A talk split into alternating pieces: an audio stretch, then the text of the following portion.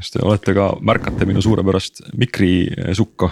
just tahtsin kommenteerida, et see on, paistab väga, väga rebel. mis seal all sul on? see on SM, SM viiskümmend seitse, täiesti no, kõige tavalisem. meil on, meil on samad, aga noh aa, teil ei ole nii ägedat sukka, sest. meil ei ole nii ägedat sukka. sest ma just leidsin poisi mingisugused eriti rebelid kolbaga kindad tõmbasin selle selga mikrile. Jah.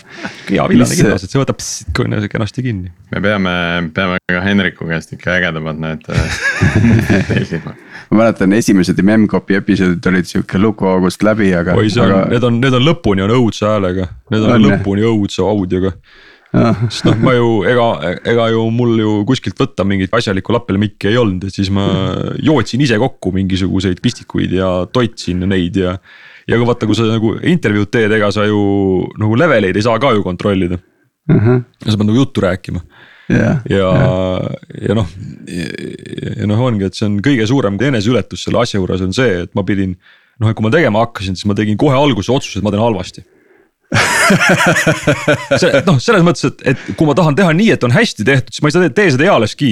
Noh, hääled nagu- minevikust nagu,. see on, nagu nii meeletu töö, et, et noh, selgeks õppida, et kuidas neid mix ida ja kuidas seda audiot teha yeah. korralikult ja noh yeah.. et see yeah., ma nagu, ma tüdin ammu enne ära ja mul läheb ammu mõte peast ära, et ma, ma, ma pean tegema halvasti, ma muud moodi ei saa tehtud seda no vot, aga, aga mõnikord on täiuslikkus hea vaenlane, nii et noh, aga, aga ma jätkuvalt põen seda, et on ilgelt sita kvaliteediga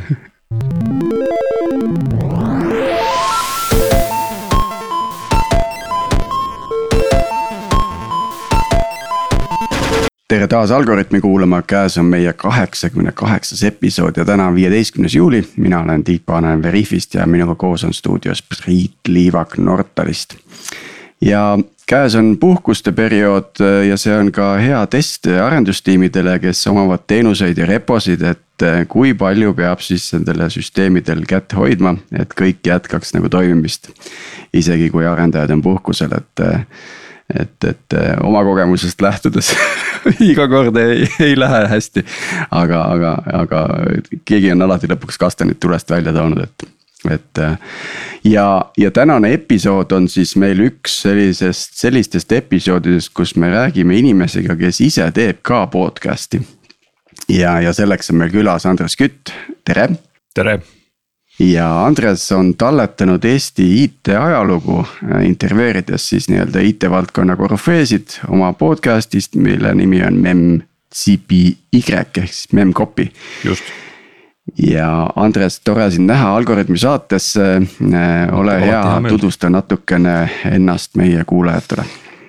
ja äh, kõigepealt enne kui asun enda tutvustamise juurde, siis ma tahaks juurde pista, et tihtipeale siis, kui arendajad puhkavad, siis kõik infosüsteemid töötavad väga hästi, seepärast et ei ole kedagi, kes need ära lõhuks. ma olen seda ka tähele pannud. Äh, aga jah, selle loo kontekstis võib-olla on oluline see, et mina hakkasin programmi kirjutama aastal mingi üheksakümmend võib-olla. ja üheksakümmend kolm sügisel siis ma läksin äh, Tartu Ülikooli matemaatikat õppima ja, äh, ja siis asusin ka kohe tööle programmeerijana. Sellepärast, et baarmeniks ei võetud. Äh, ja vot siis sellest ajast ma olen kuidagimoodi arvutitega toimetanud ja nagu fast forward siis selle hetkeni, kui ma olin siis Eesti riigi IT-arhitekt, siis ma pidin väga paljudele inimestele korraga nagu seletama, et noh, et. noh, kuidas Eestis on, aga Lätis näiteks ei ole noh e-riik, no miks nii on? Noh ja, ja ükski nagu noh, et, et kui sa hakkad vaatama nagu majandust või nagu haridussüsteemi või no ajalugu. jube sarnane, aga ometi nagu Eestis on ja Lätis ei ole. et noh, miks nii on? ja eh, ma jõudsin selle nagu noh, kui asja pead, kui, kui sa pead midagi väga mitu korda seletama, siis hakkab lõpuks endale ka nagu selgemaks saama või noh, sa pead mõtlema selle peale. ja, ja siis ma jõudsin järeldusele, et Eestis on väga oluline sihukene usaldus ja usaldus IT kogukonna vastu et noh, et ametnik, riigiametnik ei ärka üks hommik üles ja ei ütle, et ei tead, paneks privaatvõtme, paneks kiibi peale. ja siis teeks digiallkirju või et teeks nii, et nagu andmebaasid vahetavad XML sõnumeid. ealeski ükski ametnik ei mõtle sihukeseid asju, see on inseneri mõte. aga ometi nagu insenerid suutsid Eestis kuidagimoodi selle võtte, mõtte siis ametnikele ära seletada ja poliitikutele. ja, ja need olidki nõus ehk siis kuskilt oli sihuke väga tugev nihukene usaldus. et noh, need IT-kutid päris nagu kämarat ei aja. ja teistpidi, et noh, et, et noh, nende ametnikega on nagu mõtet rääkida, et noh, sealt tuleb midagi, sealt noh, on, me saame nagu aidata mm,. siin võib-olla kontekstist äh, ja päevakajalisest lähtuvalt äh, mõni nädal tagasi oli, oli meie rahandusministri intervjuu. Äh, Keit Pentus-Rosimannuse intervjuu, kus siis ta ütles, et selle pandeemia nii-öelda väljakutsega toimetulemise koha pealt läks korraks usaldus nagu erasektori ja riigi vahel nagu kadus ära või, või kuhugile nagu lahjenes ära, et, et, et ei saanud tegelikult nii kiiresti, aga siis vist korjati ikkagi asjad kokku ja, ja tuldi ühe ja teise asjaga kokku võttes no, välja, et. No eks, eks see on noh, eks see on kõikunud edasi sinna-tänna, aga noh, toome näite, et äh, aastal, see võis olla mingi üheksakümmend neli talvel või juba keskkoolist tulles käisin kodus käimas Võru linnas. ja siis, siis äh, veetsin ühe meeldejääva öö, talveöö, kui ma õieti mäletan. Võru pensioniametis no, mängides Wolfensteini ja NetHacki. pensioniamet, sellepärast, et mul sõber oli seal äh, ametis, ta hooldas arvuteid seal. Ja siis toimuski see lugu, et noh, et kui oli küsimus, et kuidas saab nädalavahetusel arvutisse siis noh, mindi pensioniametisse ja istuti seal öö läbi ja, ja no mängiti mängu ja noh, kujutage ette, see on nüüd see asi, mille peal nagu noor Eesti riik maksab välja pensione. see on äriprotsess, mis ei tohi katki minna. mingid andmed on seal noh kriitilised ja kõik värk. ja ühest küljest nagu seda inimest usaldati, noh mingi suvaline keskkoolist tulnud hariduseta naga põhimõtteliselt. noh hooldas neid arvuteid ja kõik töötas. Keegi nagu pahandust ei teinud, kõik koristati ära enda järelt. noh, see, see nagu suhe toimis, et nagu ühelt poolt inimesed said aru, et noh, need IT-inimesed noh, on kasulikud, me saame pensione lihtsamalt välja maksta. ja teistpidi IT-inimesed said aru, et noh, et aga, et noh, kui me nüüd nurka oksendame, siis meid teist korda enam ei lasta, noh nii ongi. Ja, ja see oli natuke sarnane nagu Tiit rääkis eelmises episoodis, kuidas ta pankade vahel telnetit tegi äh, ammu-ammu äh, ja kuskil mingit võtit ei küsitud. absoluutselt, Andrus Aaslaid rääkis, kuidas ta tööle läks.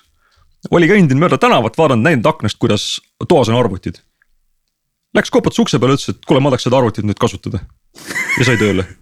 okei ja nii oligi, sihuke aeg oli. tuli, tähendab noh, mul tuli meelde, mul on kogu aeg meeles see, et kui ma läksin Hansapanka kandideerima ja siis argument oli, et kuulge, teil pole veebilehte et äh, ma võin teha, et ma seda HTML-i oskan. Öeldi, et kuule, et veebilehte me ei tee, et me oleme ikkagi konservatiivne asutuspank, et, et pangad, pangad ei ole internetis, et see on rohkem seksuaalvähemuste teema. aga meil on need ATM-id, et seal on need printeri lint saab kogu aeg nagu otsa, et saad sa äkki neid käia vahetamas? Ma ütlesin okei okay,, fine, lähme. No, aga noh, põhimõtteliselt siis noh, mis ma tahan öelda, on see, et selle Memcpy aluseks on siis see, et noh, et, et kui sul on usaldus kogukonna vastu, siis tekib küsimus, et noh, et kes see kogukond on. noh, et kes need, mis need inimesed on ja miks neid usaldati ja, ja kuidas see töötas. ja siis äh, pärast äh, väga mitmeid viljatuid katseid leida mingeid professionaale, kes seda võiksid teha.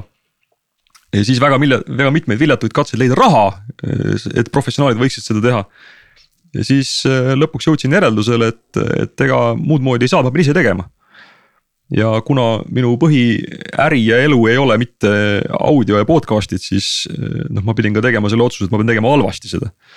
sellepärast, et noh, hästi tegemiseks mul oskusi ei ole ja nende oskuste omandamiseks mul ka nagu väga selgesti aega ei ole, juba see memcpy ise on õudselt nagu ajamahukas asi. Et ja, ja siis ja seetõttu mul siiamaani põen, et, et nende episoodide audio kvaliteet on selline, et, et noh, tekstist saab paremal juhul aru mõnikord, mõnikord ei saa ka. aga noh, nii on, eks. kas sa tead, kes veel tegeleb nagu selle IT-ajaloo talletamisega Eestis? eks, eks neid on tehtud, neid on pare-, järgmine aasta peaks millalgi välja tulema. toimus isegi riigihange, et MKM tellis suuresti suure videoprojekti, kuidas talletatakse e-riigi ajalugu näiteks hästi-hästi mahukas asi.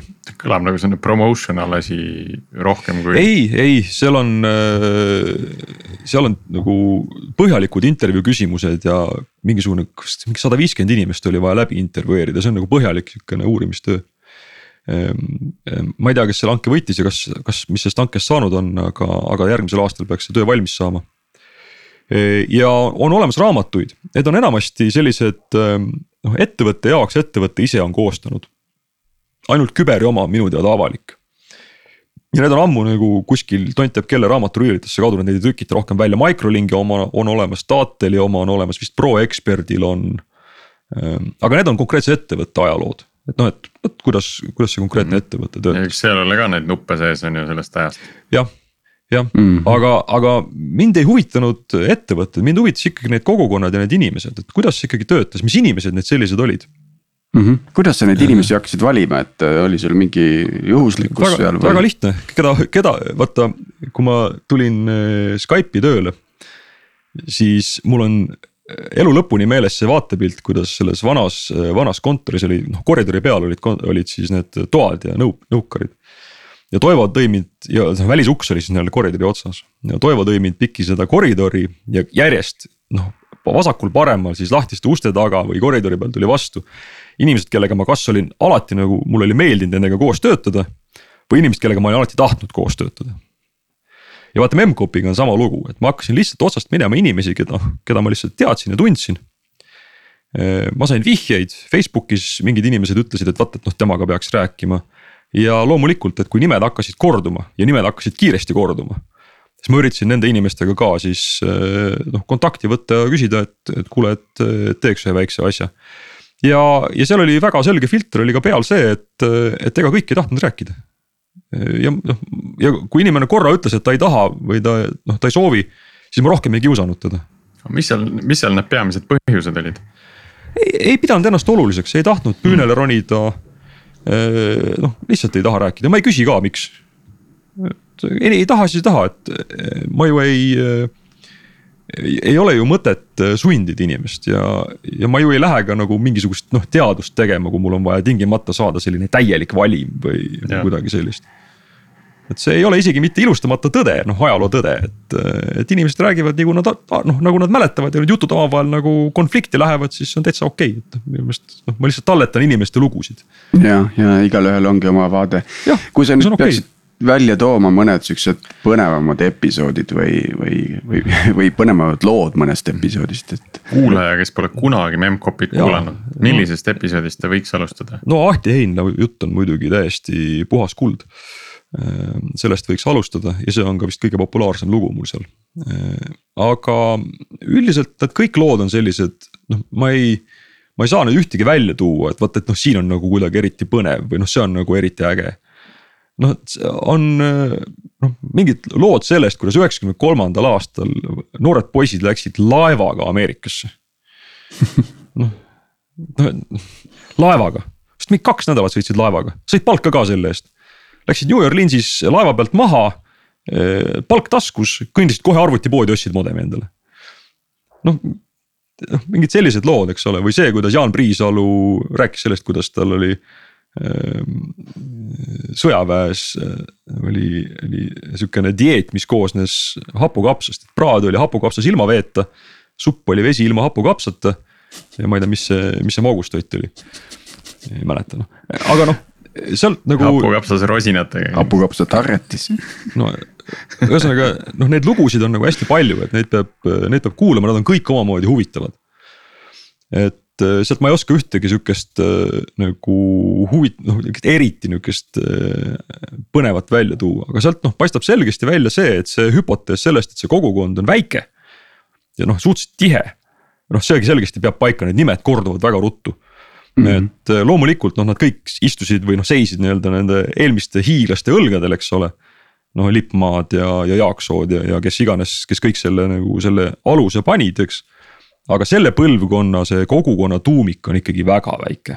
see on mm. nagu võib-olla kümme inimest, võib-olla kakskümmend mm -hmm..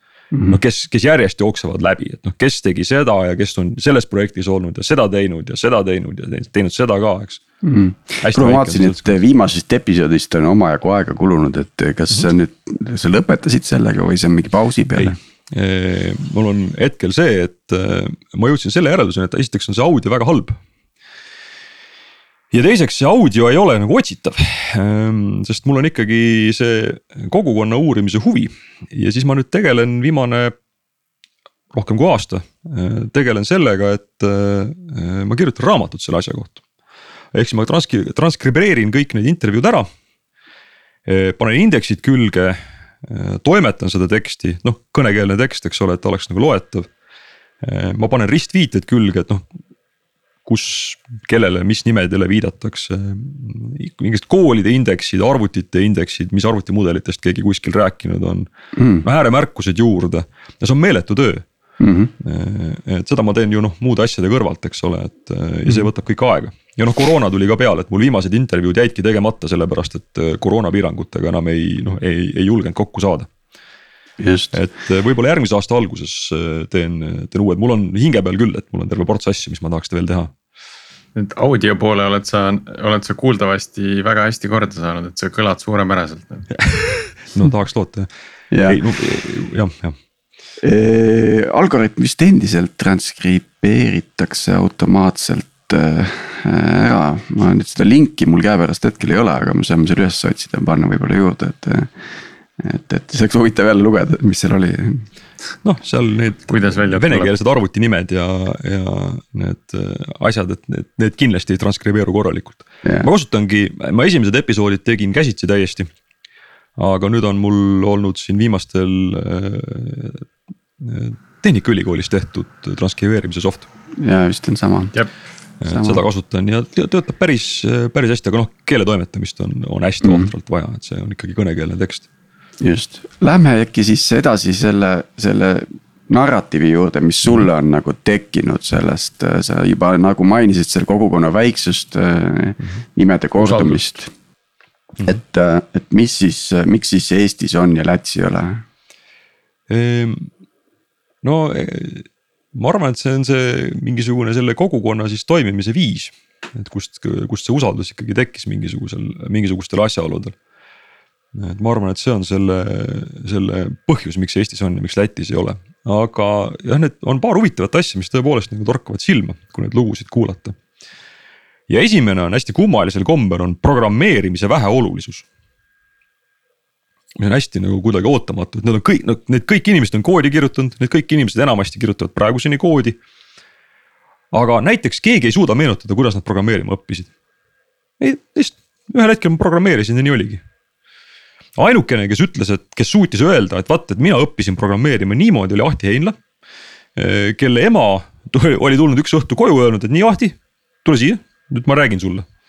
ja siis ta vist kolm õhtut nagu pool tundi õhtu jooksul oli paberi peal olid plokkskeeme joonistanud. ja kõik, pärast seda nagu edasi, edasine on nagu ajalugu. et eh, noh, ja, ja ma olen küsinud, ma olen spetsiifiliselt küsinud, et noh, kuidas sa õppisid programmeerima keegi ei oska öelda. no see on hästi tüüpiline lugu on see, et inimene noh puutus arvutitega kokku ja nägi esimest korda arvutit ja sai kuskil natuke midagi kellegi töö juures midagi näppida. ja siis sujuvalt inimene ütleb, et ja, ja noh, poolteist aastat umbes hiljem või aasta hiljem. no ja siis ma kirjutan, kirjutasin assembler'is seda ja kirjutasin assembler'is teist. kuidas see nii juhtus, keegi ei tea ja, ja teistpidi siis see, et, et nende noh, et, et kui oluline on see programmeerimine nagu arvutiga nagu suhte hoidmise mõttes, et noh, et mis sind paelub selle arvuti juures.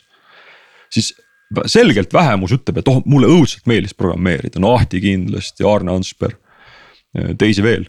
aga neid on vähemus, neid on selgelt vähemus.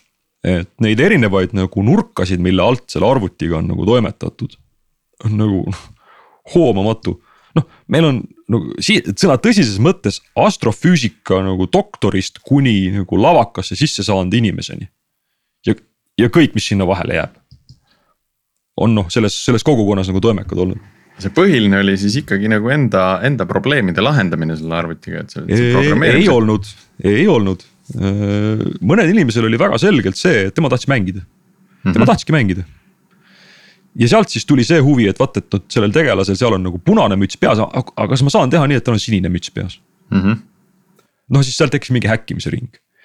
siis äh, mõni inimene lihtsalt puhtalt ütles, et tema, tema arvutiga ainult tegi, noh, tema joonistas arvutiga, see oli tema nagu stiihia äh,. mõnda inimest, noh mõni inimene ütleb, et, et teda paelus see, et sul on laua peal mingi masin, mis täidab su korraldusi. ja noh, ta ja vastu ei räägi ja noh, teebki, teeb, teebki, mis ta, mis sa talle ütled et noh, see võlu, võlus teda. ja no muidugi tehti ka noh praktilisi asju. kusjuures äh, põneval kombel äh, üks kõige praktilisem asi üheksakümnendatel, mida teha tundus olevat nagu, nagu tekstiredaktor.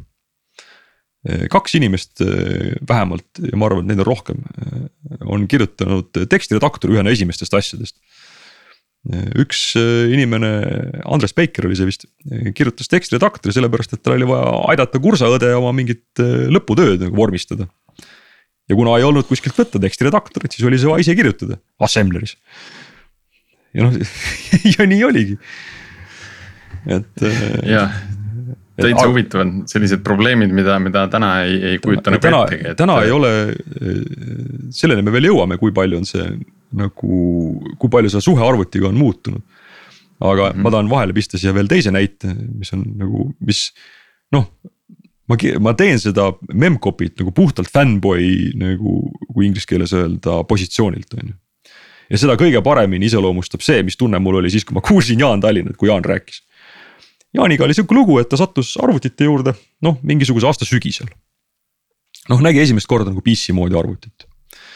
siis järgmise aasta kevadel, noh siis kui kool läbi sai eh, siis neil oli Kase, Priit Kasesaluga oli, oli võistlus, et nad hakkavad suvel kirjutama paberi peal tekstiredaktorit. Äh, ja Priit millegipärast ei viitsinud või tulid tal mingid muud asjad vahele, Jaan kirjutas suvi läbi paberi peale Assembleris, kui ma õieti mäletan, tekstiredaktorit, paberi peale. tuli sügis, ta sai uuesti arvuti ligi, ta toksis selle, selle sisse ja see suuresti töötas. mõningase silumise järel hakkas see päriselt tööle ja talvel müüdi seda tekstiredaktorit klientidele see on ikka tõsine, tõsine sära silmis peab olema nagu. ei no sära, sära, no tee järgi mm. -hmm. see on siuke noh, see on äh, ma olin, ma olin lihtsalt, ma olin, ma olin lihtsalt vait selle sihukese jutu peale. kuidas, kuidas see nii on, aga näe oli. tuli meelde see üks äh, Hollywoodi film, kus äh,, kes olid esimesed kompuuterid? no naisterahvad olid naisterahvad, eks ju, NASA-s on ju, arvutasid neid orbit, orbiite välja. trajektoori, aga mujal ka. et, et see sihukene jah, praktiliste asjade tegemine oli küll teema, aga noh, need praktilised asjad olid siis noh, mingid tekstiredaktorid või mingid sihukesed asjad. et oli ka noh, selliseid noh, nagu hulle projekte või noh, asju, mis on nagu täiesti ebapraktilised Äh, näiteks Jaanus Lillenberg meenutas, et tema tõlkis mängu noh, ingliskeelne tekstipõhine konsooli, konsoolimäng, nihuke klassika, NetHack. Äh, tõlkis selle eesti keelde, see on paraku kaotsi läinud, aga noh, ta veetis mingeid öid seda tehes. ja, ja siiamaani inimesed härdusega meenutavad, kuidas aeg-ajalt mängus tembutas mingisugune tegelane, kelle, kelle siis liigi nimi oli mõõkhambuline varblane või midagi sellist noh jällegi, et, et kas seda nüüd oli praktiliselt vaja, noh tõenäoliselt mitte mm kas äh, noh, jälle no ma olen ka umbes nii vana, et ma suudan seda aega meenutada. Äh, ma mäletan mingi üheksakümmend kolm ja edasi olid, olid mingid jutukad, olid mingi, oli mingi sotsiaalne suhtlus, mingi ja. virtuaalne mingid. mäletan oma esimest küberšokki, kus, kus oli nagu tekkinud suhe jutukas äh, teise inimesega ja siis, siis me nägime üksteist, et see oli nagu suur viga muidugi sellest ei olnud head nahka aga ühesõnaga, see oli nagu mingid täiesti ulme, mingid siuksed nagu tundmatud äh, episoodid, tundmatud olukorrad tekkisid tänu sellele, et, et, et inimesed olid juba tegelikult internetis nagu suhelnud omavahel, kogukonnad nagu toimetasid. seda on, seda on räägitud, aga noh, see tuli natukene hiljem. aga noh, hästi paljud on just, just täpselt öelnud seda, mida sa Tiit ütled, et selline nagu osaduse tunne või noh, selline kogukonna tunne, mis tekkis nagu siis, kui sa avastasid, et oh sa kurja, et nagu minusuguseid on veel. ja ma saan nendega juttu rääkida. ja see tegelikult ei sõltu üldse sellest, kas nad on Eestis, Lätis, Leedus või mm -hmm. Ühendriikides. ma saan nendega suhelda. ja see kogukond võttis ikkagi noh, selliseid mõnevõrra hoomamatuid noh mõõtmeid, noh Eestis näiteks on käidud internetis Äh, on käidud kuskilt Siberist lennukiga Eestis internetis. tulid kodanikud lennukiga, äh, maandusid, äh, kaasas oli kohvritäis flop isid siis kuskil BBS-i küljes topiti flop'id igasugust head ja paremat täis, mindi lennuki peale tagasi, lennati kuskile Siberisse tagasi. mis tähendas, noh pidi tähendama seda, et, et kellelgi kuskil olid sidemed mingite Siberi inimestega. et noh, et oli, oli kuhu minna ja Eestist käidi Moskvas niimoodi. Et äh, keskkooli poisid stiilis äh, otsustasid, et noh, sa puutusid kokku kellegagi, et äh, noh, kes käis umbes ülikooli juures oli, noh kui Moskvasse satud, tulge läbi. noh ja läksidki Moskvasse jälle flopidega mingisugust kraami tooma. internetiturism. no internetiturism jah, põhimõtteliselt mm. -hmm ja noh, see lugu, kuidas, kuidas Läti ja Leedu käisid tegelikult, Läti ja Leedu siis andmeside käis, käis suuresti üle Eesti ja BBS-ide side. et, et noh, see ka, eks ole, Eesti millegipärast ikkagi sai selle, selle otsa suhteliselt nagu vara kätte, et see BBS-i asjandus arenes meil kiiremini kui, kui mujal Nõukogude Liidus. ja öeldud on see, et üks neid faktoreid oli see, et Eestis oli võimalik eh, otsevalimine välismaale, eh, siis tavalistelt telefoninumbritelt Eh, mida mujal Eestis, mida mujal Baltikumis ei olnud. aga Eestis oli noh, küll mitte kõigilt numbritelt ja mitte alati, aga mingitel tingimustel oli võimalik saada endale number, kust oli võimalik siis otsevalimist teha mm. see on huvitav jah, see on nagu väike sihuke liblika efekt, et kuskil ma ei tea, kaheksakümnendatel keegi nagu mõtles välja, et, et see võiks olla nagu teema ja, ja pani alguse millegi, mille, millest me võime nagu vedada suht sihukese sirge joone kuhugile edulugu loosse. aga, aga noh, teistpidi noh, sul on jah siuksed liblika efektid, aga teistpidi mm. sul on ikkagi eh, Monika Oit ja Ülo Jaaksoo. Eh, kes väidetavasti ja seda on rääkinud, seda mitu inimest on rääkinud. et kellel oli ikkagi kaheksakümnendatel ikka selge arusaam, et ühel hetkel tuleb A Eesti Vabariik ja B, selles Eesti Vabariigis saab andmekaitse ja krüptograafia olema strateegiline oskus. Neil oli selline arusaam olemas, Eesti riiki polnud paistagi veel fosforiidisõda oli alles tulemata. aga neil oli arusaam, nad võtsid kokku inimesed, hankisid mingi raamatu. ja siis äh, Tarvi Martens rääkis, kuidas põhimõtteliselt siis istus seltskond inimesi ümber kuskilt Ameerikast toodud nagu krüptograafia raamatu ja siis üritas aru saada, mis toimub ja sealt on noh, kui vaatame, kes need, kes need inimesed seal laua ümber istusid. siis noh, põhimõtteliselt noh, sellest grupist algas kogu, kogu krüptoteadmine, kogu andmekaitse. kogu meie nagu CyberSec'i ajalugu ja, ja edulugu tuleb sealt. kogu meie noh, ID-kaart, noh see ID-kaart ei tee, kui sa krüptost aru ei saa. Noh, X-tee, noh kõik need asjad tulevad sealt mm. -hmm. ja seal pandi on... ikkagi väga selgelt nagu visiooni alusel pandi see grupp käima ja, ja see on just hea näide, mida võiks edasi nagu kaevata, et. et lisaks sellele, mis need, mis tiimid, kogukonnad, ettevõtted on nagu olnud seal need mõjutajad või? küber, küber, küber oma kõigis inkarnatsioonides ja vormides ja kujudes, alates mm. Küberneetika Instituudist kuni Küberneetika AS-ini. See jookseb ikkagi nagu selge punase niidina läbi mm -hmm., noh, see on sihukene nagu nagu noh, see, see, see varjutab kõike, seda viidatakse nii palju, sellest räägitakse, kõik on seal töötanud ja. ja sealt on nii palju asju tulnud, et see on hästi selge. Ähm, siis on äh, KBFi muidugi. Äh, Tartus on Tähetorn olnud selline, selline noh keskpunkt või, või Nexus, no ülikoolid ka. Kusjuures huvitaval kombel siis Tartu Ülikool rohkem sellise noh kuidas ma ütlen, noh inimesed räägivad, nad on õppinud seal ja, ja, ja nii edasi. aga, aga Tehnikaülikool tundub olevat rohkem selline nagu kogukonna paik, et noh, seal inimesed käisid, hängisid sellest seal arvutuskeskuses oli ühel, ühel korrusel oli mast ja teisel korrusel oli äh,. see Momret, Tarmo Mommers äh,. et noh, nende juures oli tore, tore külas käia, eks, et äh, ja noh, neid, neid, neid kohti, kus nagu hängiti ja käidi, oli veel, noh Microlinki kontor näiteks. Tartu Ülikoolist olid nagu inimesed äh, rohkem pärit, aga see oli võib-olla selline suletum äh, üksus, et äh, Tehnikaülikoolis võib-olla oli rohkem avatud ustega. ei tea, võib vabalt olla ka see, et kuna mina olen Tartu Ülikoolis, siis noh, lihtsalt. Need inimesed, keda ma tunnen, on sealtkandist nagu pärit, eks ole, et vabalt võib olla see ka et see ei ole selline nagu tõsiteaduslik nagu väide, et noh, Tartus on ühtemoodi, Tallinnas teistpidi aga noh, väga selgelt ka joonistub välja see, et äh, mis oli, kui ma rääkisin Sergei Janikiniga.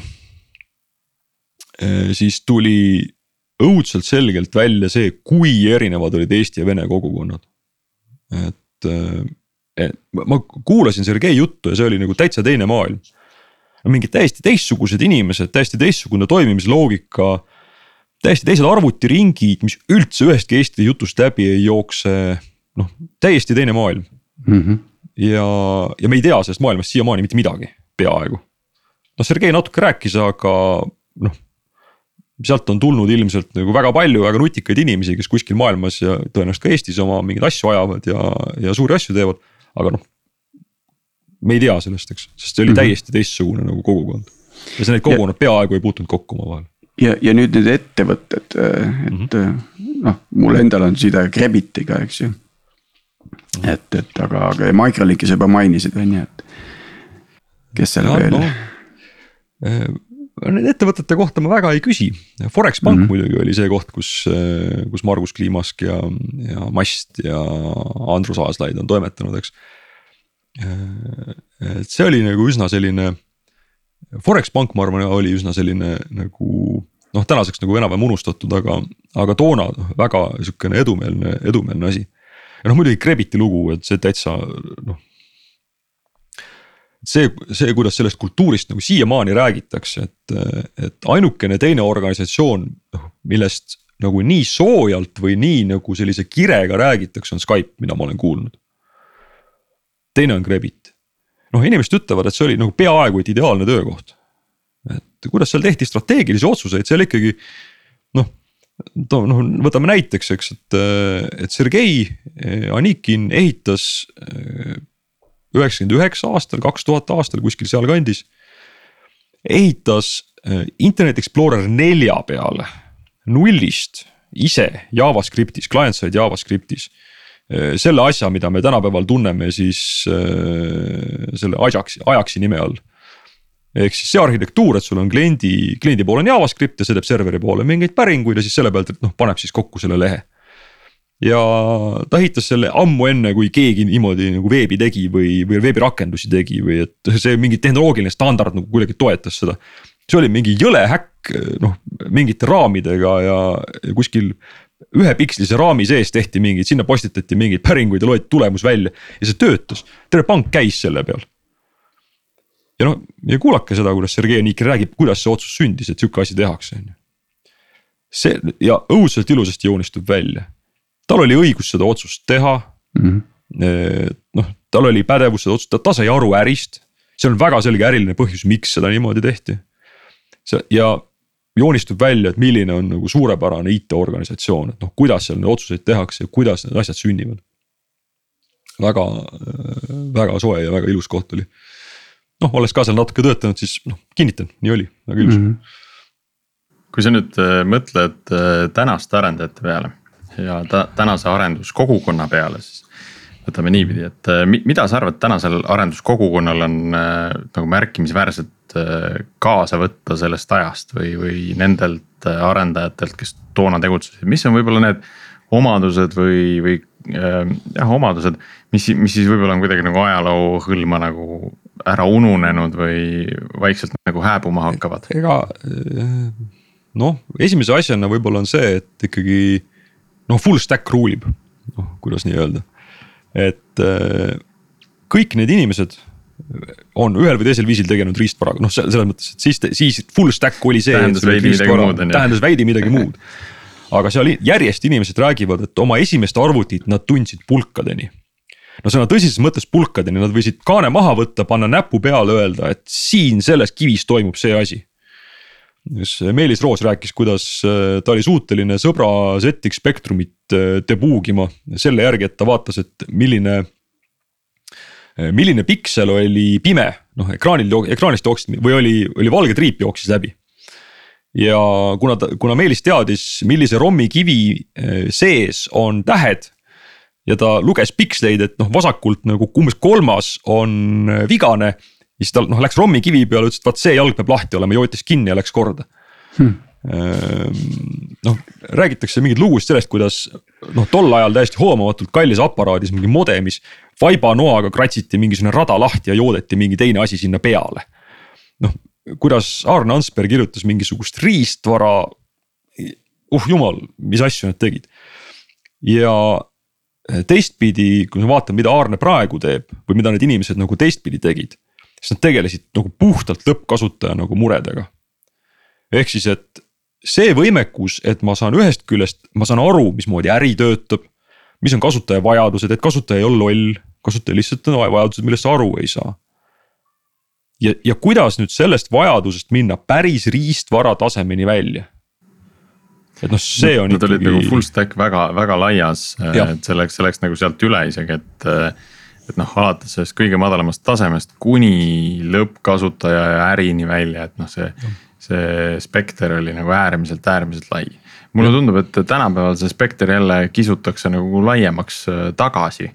Äh, üha rohkem nagu tuleb seda vajadust, et arendajad peavad ka ärist järjest rohkem aru saama, et vahepeal see nagu kadus võib-olla veidi ära või läks nagu veidi alla. aga nüüd see, nüüd see tuleb täie hooga tagasi. muud moodi ei saa, sest süsteemid on läinud nii keerukaks ja kui sul see infosüsteem, mida sa ehitad, moodustab sellise integraalse osa noh organisatsioonist, siis sa pead organisatsioonist aru saama, et seda infosüsteemi mõistlikult ehitada, muidu need pusletükid ei lähe kokku lihtsalt. aga noh, ja siis ja, ja, ja teistpidi siis see, mis, mis teises otsas on, siis on siis see kasutajast arusaamine. noh, see on ikkagi väga selge selline noh, keskendumine kasutaja vajadustele, et ega noh, tehti jah, selliseid hullusi nagu NetHacki tõlkimine, aga üldiselt ikkagi lahendati kasutaja mingeid konkreetseid probleeme. see, kuidas eh, Jaan Priisalu rääkis, kuidas ta oli kirjutanud programmi ja mingeid andmeid oli vaja sisestada, mingit aruandlust oli vaja teha. ja siis noh, kirjutas programmi valmis ja siis see pandi kuskile arvutisse käima ja siis see noh.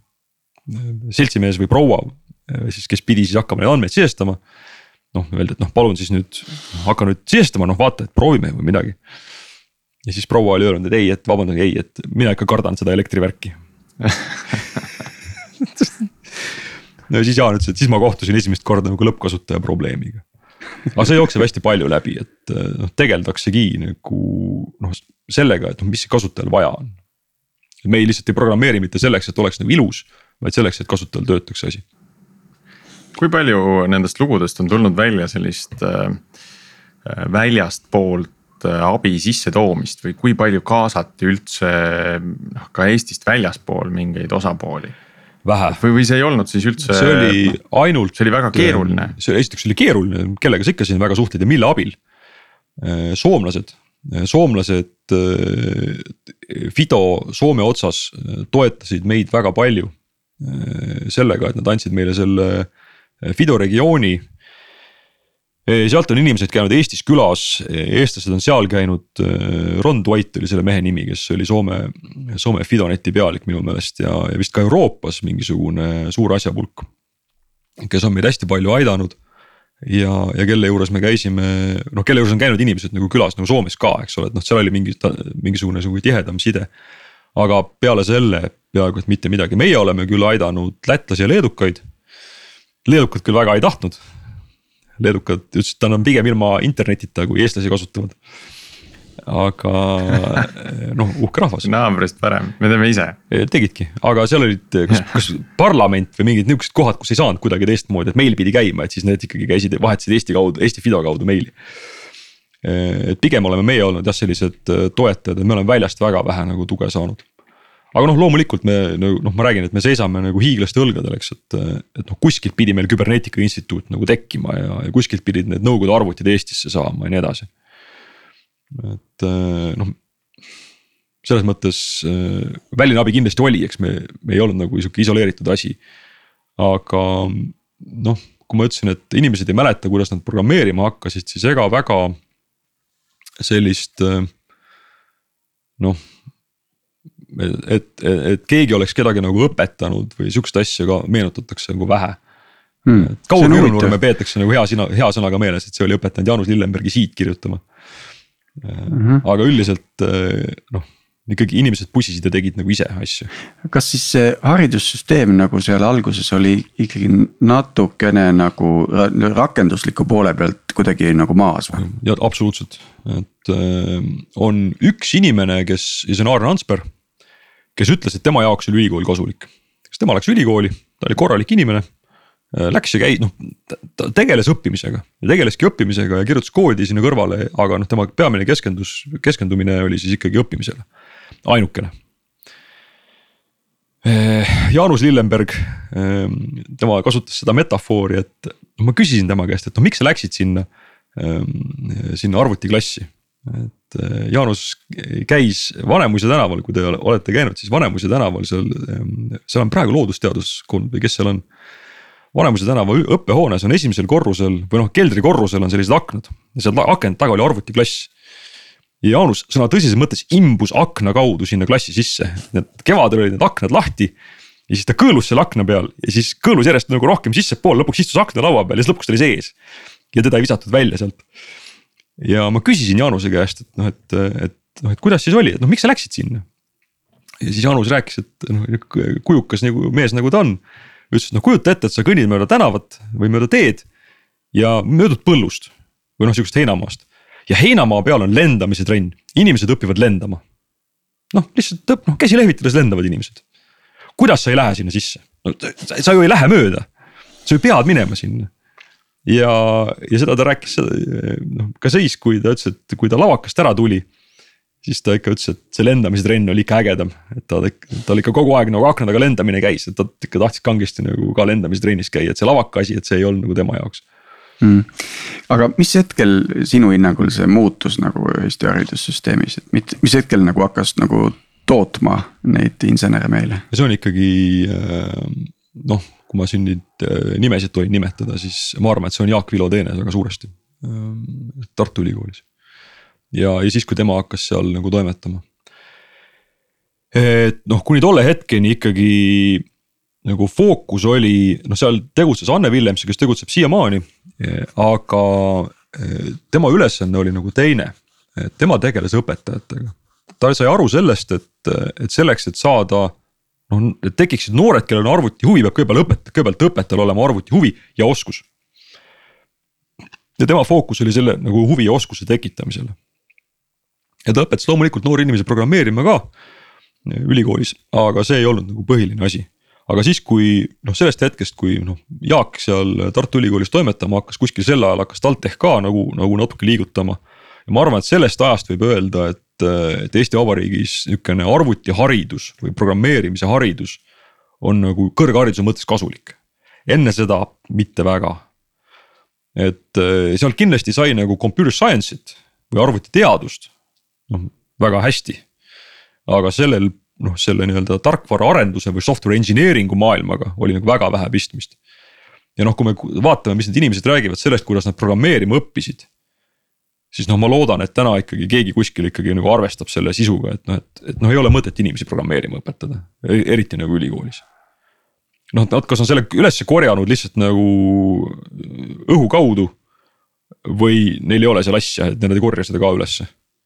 mida, mida seal õpetama peaks noh, kõigepealt computer science muidugi, Knuti piibel ja Knuti piibel mm, -hmm. noh, see peab ikkagi nagu noh, sa pead aru saama sellest.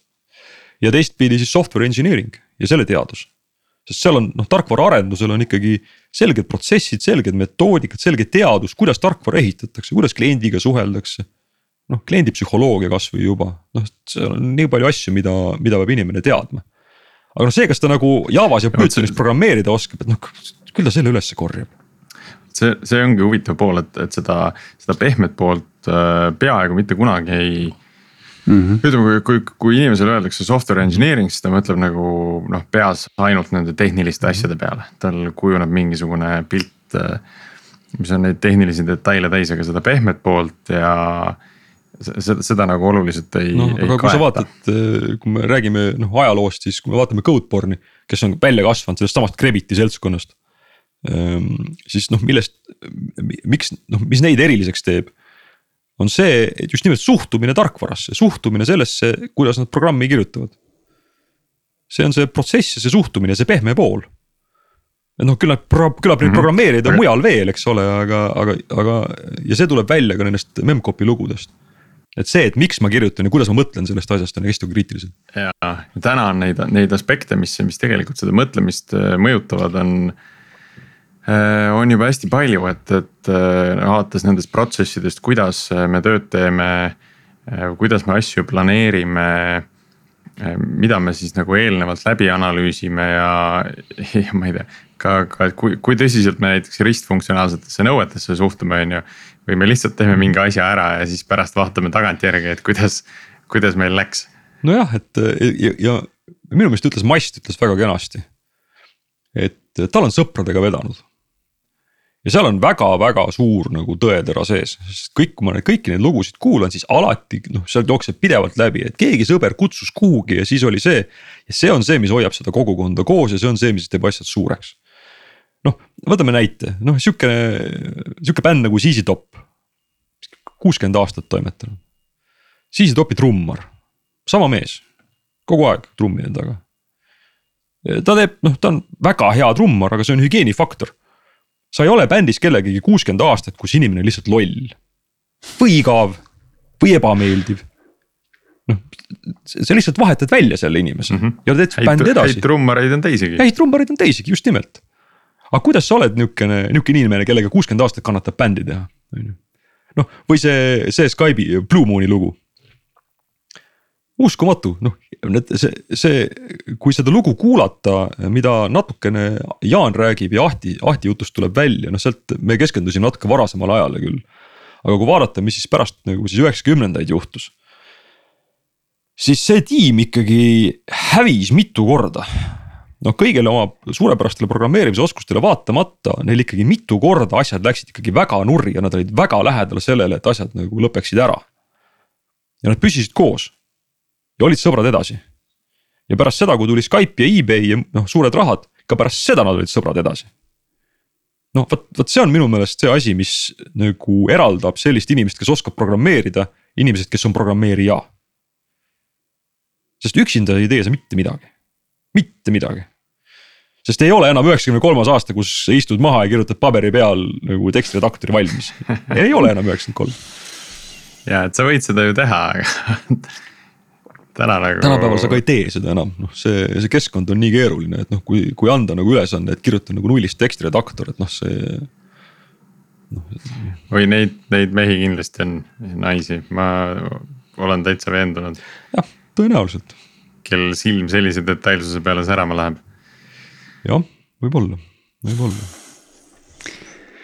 ja nüüd on, me oleme siit nagu vaadanud seda ettevõtete, kogukondade, nende inimeste omaduste ja, ja selle suhtumise koha pealt. kas see on mingisugune aspekt, mida me üldse pole nagu vaadanud, mida sa Andres peaksid tähtsaks mm. välja tuua? ma arvan, et on, on oluline võib-olla see, et või noh, oluline mida, noh võib-olla see ongi see, et mida ma selle Memcpy'ga nagu taga ajama läksin. on see, et, et need inimesed, kes ronivad igasugustesse podcast idesse nagu juttu rääkima nagu mina. ja, ja, ja noh, kirjutavad asju, teevad asju, kes paistavad välja. ja need inimesed, kes tegelikult nagu kogukonda koos hoiavad. ja kelle peal asjad käivad, need ei ole sama inimene reeglina mm. -hmm noh näiteks nihuke mees nagu Jaak Loonde. tänapäeval see nimi reeglina ei ütle mitte kellelegi mitte midagi aga sellele põlvkonnale see Jaak Loonde tehtud arvutiringid ja tema välja aetud arvutid ja tema antud nõu. no fundamentaalse tähendusega, kui olnud, kui oleks olnud neid arvutiklubisid, poleks meil mingit Skype'i, lihtsalt ei oleks. ja noh, ja selle mehe nagu töö ja pühendumus nagu õpetamisele ja, ja nendele lastele. hoomamatu, kusjuures jällegi pane, pange tähele, Jaak Loond ei õpetanud kedagi programmeerima sest noh, keegi ei mäleta, et nad oleks Jaak Loonde käest programmeerimist õppinud. Jaak Loond õpetas neile midagi muud, mis see muu oli, ma ei oska öelda. võib-olla ei õpetanudki midagi, võib-olla ta lihtsalt tegi niimoodi, et inimesed saaks arvuti ligi. ja õpetas neile usaldust ja noh, sest ta usaldas neid inimesi arvuti ligi, ma ei tea seda, mis see oli, mis ta õpetas. aga programmeerimine see ei olnud. aga ta oli väga oluline inimene. või noh, või, või Tarmo Maamers noh, et mm. -hmm. kui vaid leiaks üles selle, mis siis seal õpetati, et no saaks replitseerida seda nii-öelda tänapäeva noortele. ei, ma arvan, et see on noh, hea õpetaja on ikka hea õpetaja, et seal ei ole nagu midagi, et. et tuleb lihtsalt see hea õpetaja üles leida, mitte küllap see. Neid on Eestis praegugi, eks, aga, aga see lihtsalt tuleb lihtsalt nendest Memcpy lugudest nagu nii reljeefselt välja. et kui oluline on see, et noh, sind nagu usaldatakse või sind lastakse kuskile ligi või. ja noh, noh muidugi neid siuksi noh nüansse, mida või noh, siuksi nagu asju, mida tänapäeval keegi enam ei tee. või noh, me ei mäletagi enam. on, on seal noh palju, eks, et noh, miks, mis asi oli, milline nii-öelda use case oli asi, mis Tallinna arvutuskeskuste vahel andmesidet nagu edendas. see oli üks peamisi asju, milleks andmesidet kasutati. või noh, mitte peamisi, aga üks väga olulisi asju. ja inimesed lausa ehitasid spetsiaalset riistvara selle jaoks. Mis see oli? mis use case see oli, oskate arvata? üheksakümnendate algus, keskpaik, kaheksakümnendate lõpp ka. arvutuskeskuste vahel andmeside suured riiklikud arvutuskeskused, mida, mida seal levitati ja mida trükiti välja niimoodi, et, et poisid, Peeter Marvet rääkis, et tema ei saanud kolmapäeviti arvutit kasutada, sellepärast et oli selle jaoks, oli arvuti kinni. Soome telekavad. Soome telekavad, selle jaoks ehitati spetsiaalne riistvara, mis teletekstist luges Soome Aha. telekavad välja need kirjutati mingitesse failidesse, siis oli kood, mis sealt kuidagi tegi selle nagu ristkorrutise, et ühest küljest noh, ühtepidi ta andis sulle, et mis on mis kanali peal, mis kell. aga teistpidi oli sul äh, konkreetsed seriaalid. noh, Knight Rider, et noh, on millal, mis kanali pealt mm. -hmm. ja, ja seda, ja seda levitati, seda faili levitati, see tuli iga nädal uus ja see trükiti välja. ja, ja noh, Peeter oli ka see, kes ütles minu meelest, et noh, et, et et see oligi nagu enamuste inimeste kokkupuude arvutiga. oligi Soome telekavad Tallinnas. noh, Tartus ei olnud midagi teha sellega, et see Soome telekas ei levinud, aga, aga. no sellised, sellised huvitavad kasutajalood on ju eh, on, on just sageli nagu selle suure innovatsiooni algus, et kuidas see esimene veebikaamera vist oli ka mingi kohvikannu jälgimiseks, et. Cambridge'is, et noh, et saaks nagu saaks aga... nagu mingi praktilise vajaduse ära rahuldada, on ju. just täpselt, see on, aga see on jällegi üks osa sellest nagu puslest, et, et miks Eestis on ja Lätis ei ole, on see, et äh, suhteliselt suur hulk Tallinna inimesi äh, sai aru, et see arvutivärk, millega need nohikud tegelevad, ma saan Soome telekava nende käest. no see on praktiliselt, mul oli vaja seda. ja Lätis mul..., Lätis äh, Soome kanaleid ei vaadatud, sinna ja. nii hästi see ei levinud, on ju. jah, aga Eestis oli see kogemus olemas ja. ja oli ka kogukond olemas, kes sai aru, et noh, et, et, et niimoodi tuleb teha et eh, noh, nihukesi nagu nüansse on seal nagu kuulake neid lugusid, et sealt tuleb neid järjest, noh kuidas Priit Raspel oma äh, kuskil arvutustehn- äh,, oma mingit arvut-, mingit põllumajanduse mingeid arvutuskeskusi modemitega, noh. kuna nõukogude tehnika oli nagu ta oli, et noh, siis inimesed ehitasid nullist riistvara, inimesed ehitasid nullist ise modemi, mõtlesid välja ise protokolli seal oli noh kuni selleni välja, et noh, mida teha, et siis kui nagu toru ära pannakse või noh, või kaks modemit korraga nagu satub helistama nagu ühele kohale, et noh. noh, ei ole nii, et lähed poodi ja ostad endale kuramuse modemi või ei ole nii, et äh, paned lihtsalt nagu wifi hotspot'i püsti ja ongi. kui sa tahtsid arvutisidet teha, sa pidid modemi tegema mm. -hmm. nullist nüüd, ise, jootekolmi. nüüd lähed ostad äh, hunnik mooduleid ja, ja saad äh, nii-öelda plug and play viisil erinevat riistvara kokku panna. no just, ma arvan, et see ongi see selline noh, programmeerija kogemuse või arvutiga suhte erinevus, mis on, mis oli siis ja mis on praegu. et noh, tol ajal väga paljus asj-, väga paljud asjad sa pidid ise tegema, sest ei, ei eksisteerinud, sa ei olnud ka kuskilt lugeda, sul ei olnud kuskilt kellegi käest küsida, sa pidid asjad ise välja mõtlema, sa pidid ise asjad valmis ehitama. täna enam nii ei ole ja see stack on läinud väga-väga-väga-väga-väga palju paksemaks. noh, sul tegelikult ei ole enam võimalik hoomata seda nagu lõppkasutaja liidesest kuni riistvarani välja. ma arvan, et sihukest inimest maailmas ei ole olemas. see on nii keeruliseks läinud. ja seetõttu see suhe nagu arvutiga on palju vähem isiklik. noh, see ei mm -hmm. ole mhm. sinu selline noh. sul ei ole riistvaraga sellist suhet enam nagu, nagu Aarnel oli oma esimese arvutiga noh näiteks tõenäoliselt üks koht, kus äh, mõni episood tagasi me rääkisime mängude arendusest, et seal on, äh, seal on ilmselt see. kuidas ma ütlen, see, see vertikaal on kõige paksem nendel arendajatel, et, et nad lähevad sinna vähemalt driver'ite tasemele välja, et nad noh, riistvarani nad ammugi ei küündi. Äh, aga, aga nad vähemalt tegelevad üsna nagu laias spektris mm, -hmm. et olles nagu Äh, veebirakenduste arendaja või, või igasugused infosüsteemid, et noh, seal, seal see jääb ikkagi väga kitsasse lõiku, see puutepunkt. aga, aga mis see tähendab, on see, et, et kui noh, kaheksakümnendatel, üheksakümnendatel siis nii-öelda väga suur osa sellest, mida programmeerija tegi, oligi nagu toores programmeerimine, oligi selline, selline töö, kus see knutipiibel oli kasulik.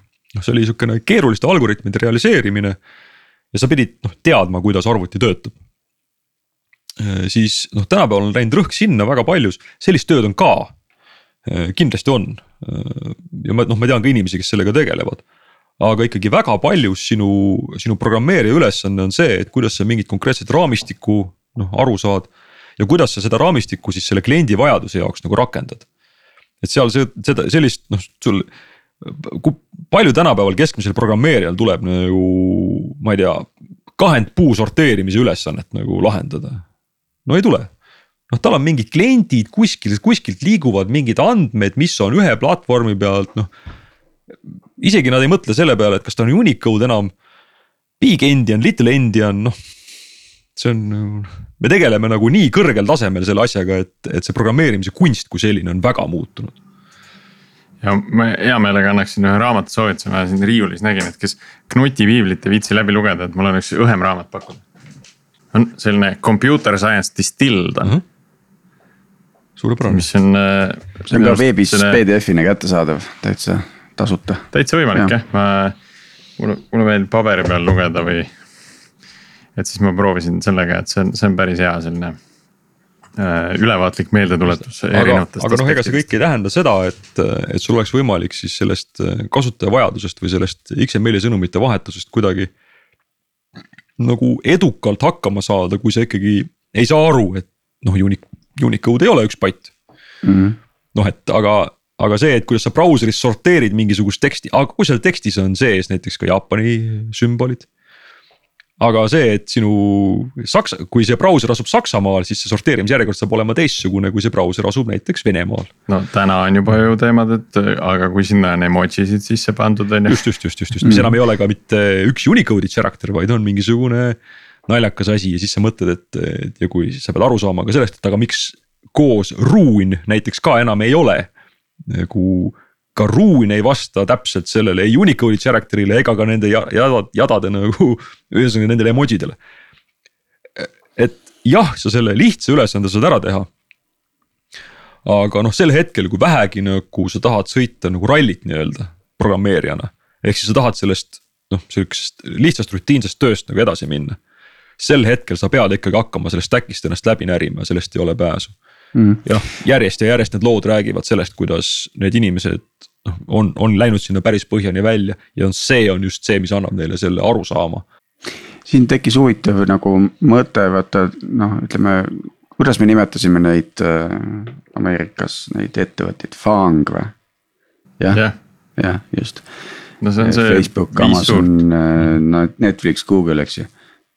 või Fangs, jah, ühesõnaga midagi et, et tegelikult seal intervjuu protsessis võetakse see computer science distilled raamat nagu tükkideks nagu lahti sulle, eks ju. ja, ja see on nagu koht, kus inimesed, programmeerijad peavad paar kuud kõigepealt õppima, et sinna intervjuule siis minna, sest muidu noh, lihtsalt sa kohe fail'id, eks ju mm. -hmm. et, et ja siis on teistsugused intervjuud, kus ähm, teed mingi test task'i ja siis saadki kohe tööle ei no iga, aga ametid on ka igasugused, ega sa ei, nagu ka selle Google'i puhul, noh, ma ei kujuta ette, et kui sa oled seal mid-level manager, et palju sa seal seda koodi kirka kirjutad mm. -hmm. jah, et ka seda me arutasime, et kui õigustatud see on, et nad on hästi nagu sellise eh, ühetaolise protsessi võtnud väga paljudele rollidele, mingites, mingitel juhtudel see on päriselt õigustatud ja. ja samas alati mitte. jah, aga kui me nüüd vaatame aktsiahinda ja nende kasuminumbreid, siis töötab midagi nad teevad õieti, eks. ei, ei saa nagu öelda, et kuidagi nagu nurja peaks minema aga no jällegi, et tulles selle Memcpy loo juurde tagasi, siis, siis see nagu erinevus on hästi-hästi-hästi dramaatiline mm.. noh, see, see mille, millega tegeleda, no Tarvi Martens. kuidas Tarvi Martens tegi andmesidet? Tarvi Martens, kusjuures Tarvi ütles, et tema jaoks programmeerimine läks igavaks ühel hetkel. ja miks läks igavaks? sellepärast, et tulid mingid arhitektid. et enam ei saanud nagu just nimelt, et noh, nii-öelda seda programmeerimise kunsti ei saanud enam teha et kuskil hakkasid tekkima mingid arhitektid, kes ütlesid, et vot nüüd tee niimoodi ja noh, võtsid selle nagu fun'i nagu programmeerija käest nagu ära. ja siis ta tegi noh, kirjutas projekte ja, ja siis talle ühel hetkel öeldi, et noh, sa oled mingi keerulise projekti kirjutanud, et noh, et nüüd tee valmis ka ja. ja siis, kuidas ta teadmata mitte midagi nagu võrkude või, või raadiosidest, siis disainis piirivalvele ja politseile mingisugust andmesidevõrku Lõuna-Eestisse või Kagu-Eestisse piiri peale siis nagu sai kuskilt topograafilised kaardid ja arvutas välja, et kuhu tuleb mastid panna ja. kui kõrged mastid peab tegema ja. noh, ja nii oligi, noh tegeles nagu sellega. et noh, kuni nagu võrgu, võrgu disainini välja. et noh, et peab ikka olema nagu sihukest nagu soovi minna süvitsi, et noh, et tänapäeval noh, sa võid öelda, et äh, tead noh, ma võib-olla ei taha teada, et kuidas see IP võrk täpselt üles on ehitatud. aga siis ei saanud teistmoodi. No politsei, politseil ja piirivalvel oli sidet vaja, noh siis oli vaja see side ehitada, eks. ja siis alles pärast tuli välja, et kuskil mingi Fresneli tsoon ja tegelikult see, et sul on otsenähtavus, ei tähenda, et see side seal korras on. aga no vedas, töötas hmm.. ja nüüd no ja Priit. mina mõtlen, mõnevõrra on vaata seda süvitsi minemist ikkagi nagu see, see fookus on muutunud, me ei lähe nagu enam mm -hmm. sinna riistvara tasemele, noh. Kui me võtame, ma ei tea, Paktumigi, et kes oli samamoodi hästi äh, tundmatus domeenis äh, om, omamoodi äh,. kes ei teadnud, kuidas oma probleemi lahendada, eks ole, nad võtsid ja hakkasid õppima nagu ühel hetkel, et kuidas see maailm töötab äh, ja, ja siis läbi selle ehitasid oma toote on ju, et. Äh, noh Spectics, Spectics Rene Trisberg ju, kuidas ta oma selle tekstitöötlust tegi, ta ju hakatuseks nagu kirjutas Java string'i teegid ümber noh, sest vanad, sest standardsed string'i teegid ei, ei olnud piisava jõudlusega tema jaoks. et noh, kindlasti sihukest süvenemist on mm. -hmm. ja see, aga noh jällegi, et nagu ka, nagu see nagu, toetub mingile põhjale. just nimelt, see toetub Täna. põhjale ja nagu ka vanasti, see toob selgesti nagu edu. et noh, selgesti, kui sa tahad jõuda sinna, et sa ei trei mingisuguseid vorme mingisugusele ametnikule kuskil. noh, mida, mida ka on vaja teha, eks ole, aga kui sa ei taha seda teha, sa pead minema süvitsi. sa pead sügavale minema mm. -hmm ka programmeerijana. Andres, kas sa oled ka Algorütmi kuulaja? viimasel ajal põgus, sellepärast et äh, koroona ajal ei ole vaja autoga sõita kuskile. ja see use case on seal kindlasti domineeriv. kas äh, on mingid teemad, mida sa nagu tahaksid kuulda Algorütmist? vot see on keeruline küsimus. meil on nüüd kaheksakümmend kaheksa episoodi purgis koheselt. Mhm. et, et me oleme nagu igale poole vaadanud kuhu võiks veel vaadata, kuhu võiks uuesti vaadata? meil ideid on, aga me ei taha nagu valele poole ka yeah. vaadata, eks ole. minu selline noh lemmikteema ja selline pet peeve või, või selline noh uurimishuvi on noh keerukus oma erinevates väljendustes. et eh, noh algoritmiline keerukus, noh Skype'i B2B võrk, eks ole, et kuidas see kokku käis, noh see on düna-, noh ka, ka dünaamiline keerukus, aga ka nagu noh programm, et kui sul on ikkagi nagu pool miljonit rida nagu äriloogikat, et noh, see on ka keeruline asi noh, seda nagu juhtida. ja kuidas seda siis juhitakse? noh, sest selge on see, et sa seda P2P võrku, seda sa juhid nagu ühel viisil. noh, lihtsalt puht arvutustehniliselt ja programmeerija, sa lähened sellele teistmoodi. kui sa lähened sellele, et no aga mul on pool miljonit rida äriloogikat. mis noh, Knuti piibli ja selle computer science distilled mõttes on triviaalne kõik. aga seal on nagu noh, kogu äritarkus on seal sees, eks. kuidas sa juhid seda? Aga kuidas sa juhid sihukest keerulist süsteemi, kus sul on mingid sajad mikroteenused, kõik üksteisest sõltuvad, jumal teab kuhu deploy tud, eks ole, kõik käivad dünaamiliselt üles-alla, eks ole. jälle keerukus, kuidas seda juhtida. no ja, ja mitte noh, selles mõttes ma prakt-, no ma teoreetiliselt tean, kuidas seda tehakse, on ju. aga, aga mingid inimesed, kes praktiliselt tegelevadki selliste probleemidega, need inimesed on Eestis olemas, eks et neid kutsuda rääkima, et kuidas nad seda keerukust mm -hmm. nagu siis söövad ja kontrolli all hoiavad ja mis nad teevad, kui see kontrolli alt väljub ja, ja nii edasi rääkida sellest, et see on hästi oluline teema, sest noh, asjad lähevad järjest keerulisemaks. miks ükski asi ei lähe iseseisvalt nagu lihtsamaks? jaa, see, see on küll hea küsimus. no entroopia, et selles mõttes. see on, see need mehhanismid on olemas, on ju, sellest tõesti võib rääkida, aga, aga noh, selle, seda enam on oluline, et, et need inimesed, kes, kes nagu praktiliselt igapäevaselt tegelevad selle tööga. selle noh entroopia kontrolli all hoidmisega et noh, et nad seletaksid teistele või noh, aitaksid nagu teisi ka nagu edasi minna selles, sellel teel. ja neid aspekte on palju, täitsa huvitav pool on ka see, et äh, kui äh, kui kasvavas organisatsioonis tiime ja inimesi juurde panna, et miks siis see asi nagu lineaarselt ei lähe ja kuidas siis nagu keerukus hakkab seda kõike nagu pidurdama ühel hetkel. selle kohta on mehaanika olemas, see on, selle kohta on Just. olemas äh, konkreetne teooria kui huvi on, siis ma sellest, sellest, sellest teooriast ja seda saab ka välja arvutada, ma võin sellest teooriast rääkida. aga noh, see on sihukene noh, jutuks hea küll, eks ole, et nagu ideed on viis senti ämber. noh, mhm. et, äh, et noh, tegelikult need inimesed, kes nagu praktiliselt igapäevaselt tegelevad nende, nende tiimide kasvatamisega, noh. nende juttu tõenäoliselt on nagu huvitavam kuulata, isegi kui minu teooria on nagu täpsem ja kutsumegi neid inimesi ennast üles andma räägime keerukusest erinevates lõigetes. Sellega tõmbame tänasele saatele ka joone alla, aitäh, Andres, et tulid meiega rääkima. kindlasti soovitus Memcpy kuulamiseks meie kuulajatele ja ja loodetavasti siis varsti näeb Memcpyt mingisuguses teises formaadis, mida sa ka siin põgusalt tutvustasid. tahaks loota jah, kinnine, kinnine GitHubi repo on olemas ja, ja ma olen jõudnud poole peale siin suvel puhkuse ajal võib-olla leiab, leiab aega edasi liigutada. Sügiseks valmis. aasta, aasta lõpuks. see on juba päris hea, see on päris hea, siis uuel aastal saame su kutsuda uuesti tutvustama, mis, mis tehtud on kõigile kuulajatele tänud ja Priit ja Andres head puhkuseaega ja kõigile kuulajatele rahulikku ja mõnusat sooja suve. aitäh.